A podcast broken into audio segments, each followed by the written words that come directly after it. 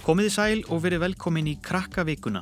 Ég heiti Jóhannes og í kvöld ætlum við að kynna okkur leikritið Mamma Klikk sem nú er sínt í Gablaraleikusun í Hafnafyrði og við kíkjum á bíómyndina Góð heima. En við ætlum að byrja á að renna yfir helstu krakkafréttir.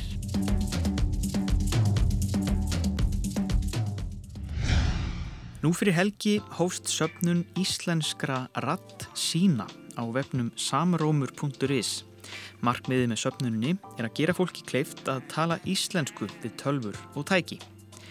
Á síðustu árum hafa orðið miklar framfarir í rattækni og því hvernig við notum röttina til að stjórna tækninni. Fjöldi fólks hefur nú þegar samskipti við tölvurna sínar og það mun aukast í framtíðinni. Íslenskan er lítið tungumál og margir hafa ágjur á því að það drægist aftur úr í hraðri tæknithróun.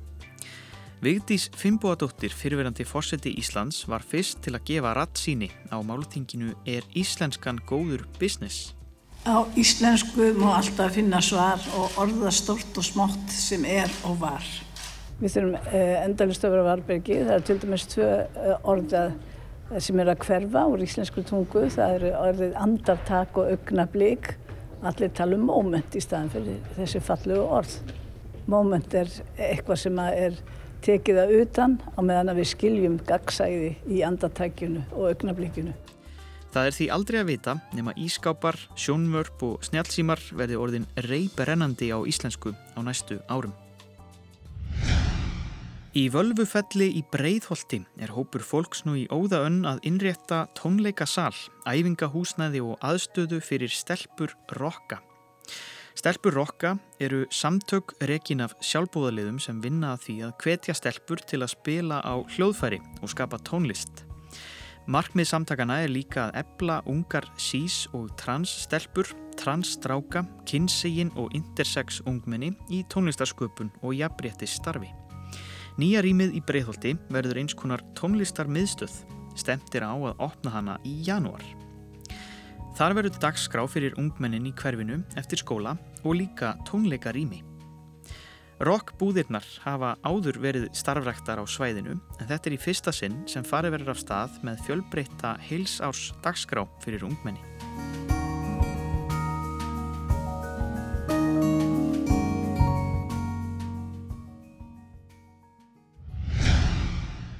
Aldrei hafa fleiri börn búið á stríðshrjáðum svæðum en síðastliðin 20 ár og í dag búa meira en 420 miljónir barna við stríð. Alþjóðasamtökin Barna Heill fagna 100 ára afmæli í ár og af því tilefni stendur nú yfir alheims átak undir yfirskriftinni Stöðvum stríð gegn börnum.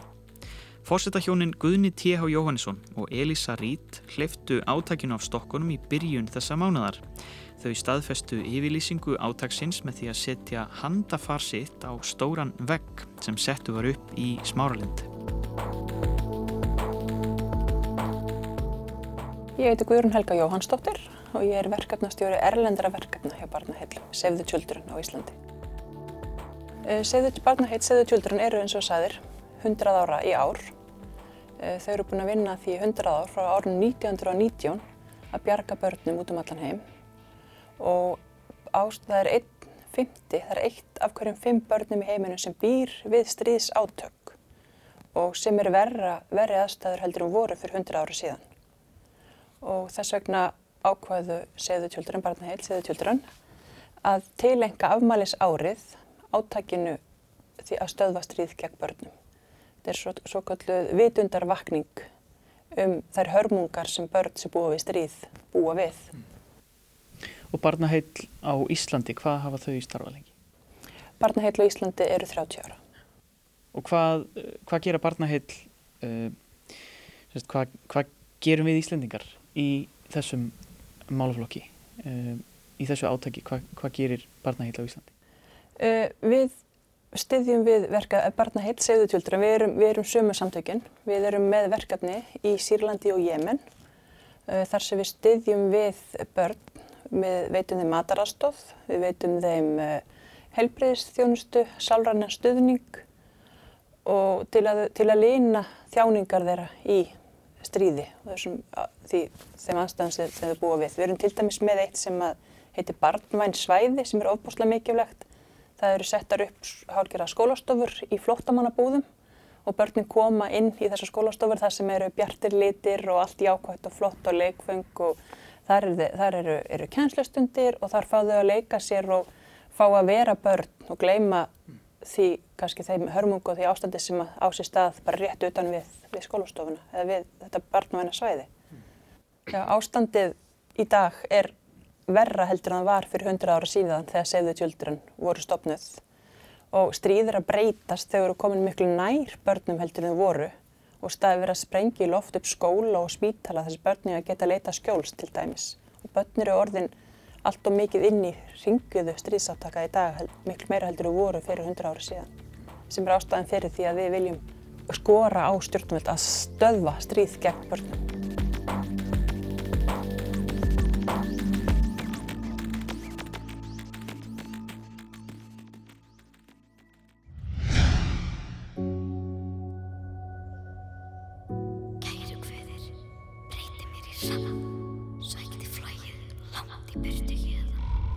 Nú fyrir skemstu var kvikmyndin Góð heimar frumsýnd hér á landi. Myndin byggir á samnemdum teiknimyndasögum eftir Píter Madsen og Norrætni góðafræði. Hún fjallar um vikingabörnin Röskvu og Þjálfa sem koma í Góð heima með þrumuguðinum Þór og loka hinnum Lævísa. Góð heimar eru að hruni komnir og engöngu krakkarnir geta komið til bjargar. Við fengum hana Láru Jóhannu Jónsdóttur leikonu sem leikur Sif í myndinni í smá spjall og hún sagði okkur betur frá. Sko þetta er, þetta er fjölskyldumynd, ævintýramynd og þetta er svolítið svona stórt ævintýri. Þetta er alveg svona stórt, þetta myndi mig að sömuleiti á bara Lord of the Rings eða svoleiðis að það kemur hann að Fenrisúlfurinn sem er unnin í, þú veist, tölvu, eitthvað svona grafík sko. Og gerfin eru öll útrúlega svona flott og það er svona svolítið e, já, svolítið svona töff lúk á þessu og svona svolítið svona rátt einhvern veginn, rosalega flott gerfi. Og hérna, já, myndin er svolítið svona mikið, hún er svolítið mikið spennandi. En það er hún, hún er bönnið innan tíu ára sko.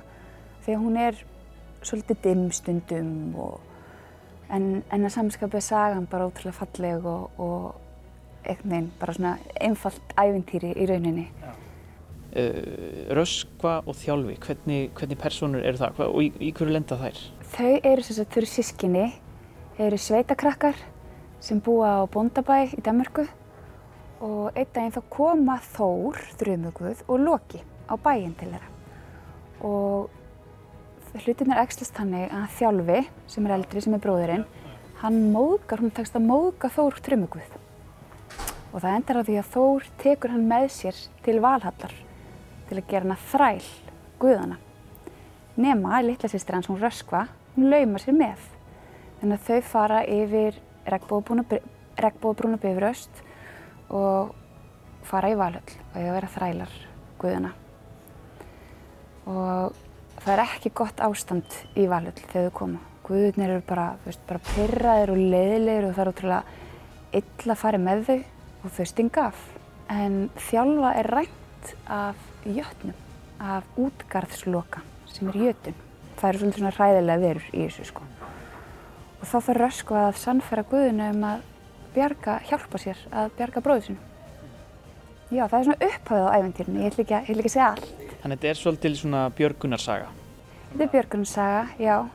Og þetta er töfrasaga.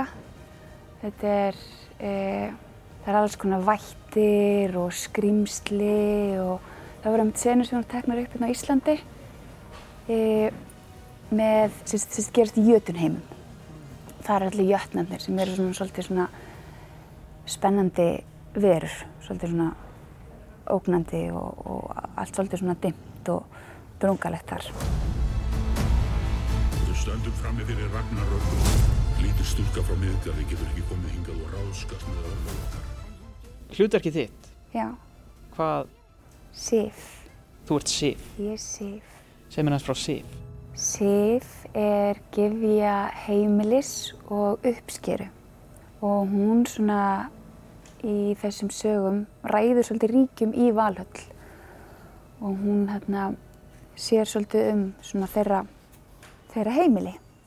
Og uh, hún, það er til saga um Sif að Loki hafi sér sagt, skorið af henni allt hárið.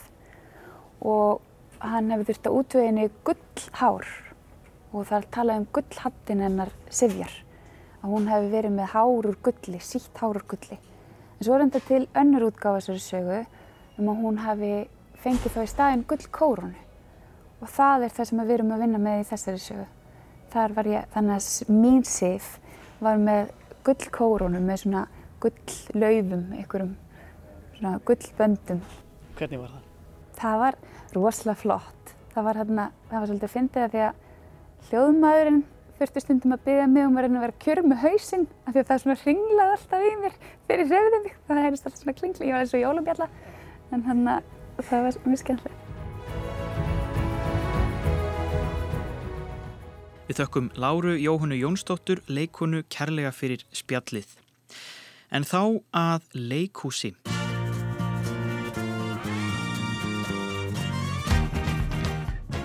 Mamma Klikk eftir Gunnar Helgason er einn mest verðlunaða barnabók síðari tíma og nú er búið að frumsýna leiksýningu sem er byggð á bókinni. Verkið er sínt í Gablara leikhúsinu í Hafnarfyrði og það er uppselt á næstum allar síningar fram að áramótum. Við kíktum aðeins við á æfingum fyrir frumsýninguna um helgina. Uh, Stella er úrlingstalpa sem finnst mamma sín orðin algjörlega klikkuð og Jæna, finnst bara heldur að yngum langi að vera með henni af því að mamma hennar er svona klikkuð og hún er mjög erfitt með það og er að reyna að breyta mömmu sinni til þess að hún fái vinkonu sínar aftur til þess að vera með henni og svona þannig að, já. Matti. Agla Bríett Thea. Eh, hvað er erfiðast við að leika í mömmukleik? Ég myndi segja allar hraðskiptingarnar. Já, hraðskiptingarnar. Búningarnir sko. Búningar, já, búningaskipting. Búningar eftir hlýja er svolítið svona Hann er það er eitt svona Carmen-atrið, ég vona að ég sé ekki að spoila og þar eru sko bara full on óperubúningar. Þannig að skipta úr og maður er kannski með hárkollu og þarf að skipta í pils og sokkabuxur og eitthvað svona. Já. Svolítið hratt. En þú, ert þú með pils og sokkabössur eða hvað ert þú í karmen? Ég er hermaður og ég er hérna í stórum buksum með hatt og jakka og belti og skó og þetta er svakalega búningur sem ég hef verið í sko. En, en hvað er skemmtilegast við að vera í mömmukleik? Sko. Leikhópurinn? Félagskapurinn Félagskapurinn Félagsskapurinn, Já Gunni. Gunni. Til dæmis. Gunni skemmta þessu Við erum, við erum bara hérna í gamla leikusinu og við erum að Það var prófa, herra svo við heyrum. við erum að, og við erum að prófa vídeoefni og á fossinning í dag.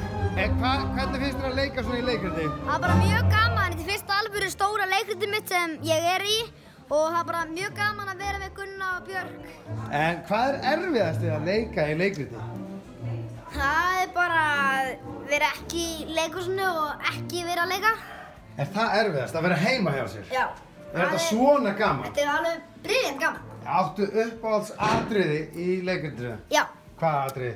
kvartmílukeppnin. Nú er það ekki þegar þú sprauta vatni á Felix. Nei, reyndur ekki. Það er kvartmílukeppnin. Mátt ekki kæfta hver leikur. Nei, jú, það má alveg. Og það? Já, það má. Heyrðu, en möndur þú segja að þetta væri fyrir alla krakka að koma að horfa á? var endilega komið þið á mömmu klikk. Um hvað er mamma klikk? Já, hún er um það hvað það er að vera venjulegur. Þetta er bara pæling í því. Hvað er venjulegt? Hvenar er maður öðruvísi en aðrir og hvenar er maður kannski pínu fatlaður? Það er kannski augljóst á sömum en aðrir bera það ekki utan á sér. Hér er bara gaman og við erum að baka vöflur sem að verða í sýningunum eftir og fyrsta reynsli A með Ö. Það er núna. Það er núna. Pínu stress. A með Ö þýðir semst allt með öllu. Við þökkum leikurunum í mömmu klikk kærlega fyrir að segja okkur betur frá og sendum bestu kveðjur í Gablara leikhúsið.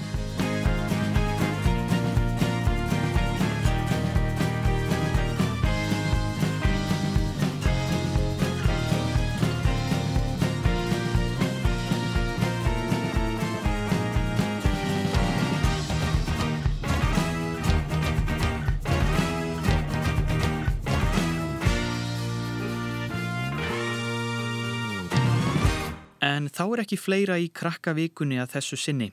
Við heyrumst aftur eftir vikum en það er hægt að finna alla þættina og meira til á krakkarúf.is og í appinu. Við ljúkum þættinum á læginu Lífið sem ég langar í með Hipsum Haps. Þanga til næst, bless bless! Langar í truck Með hestakerru aftan í Þetta er lífið sem ég langar í.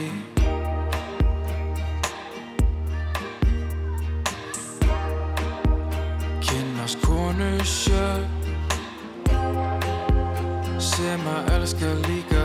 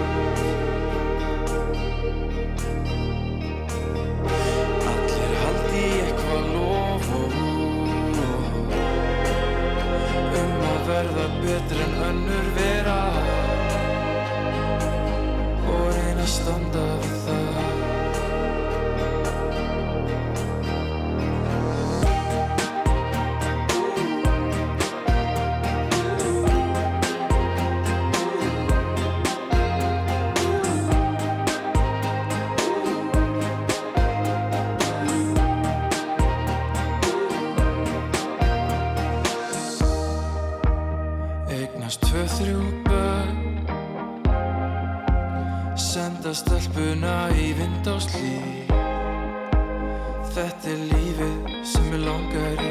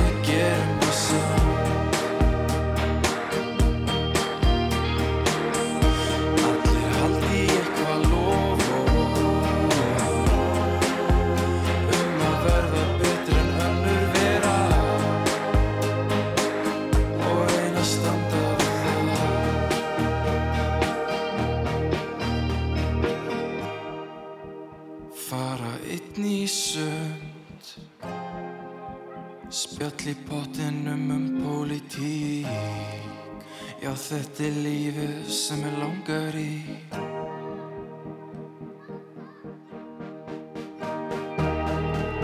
Eiga við dauðan fund. Með slöng í æð en ég brosi því. Þetta er lífið sem ég langar í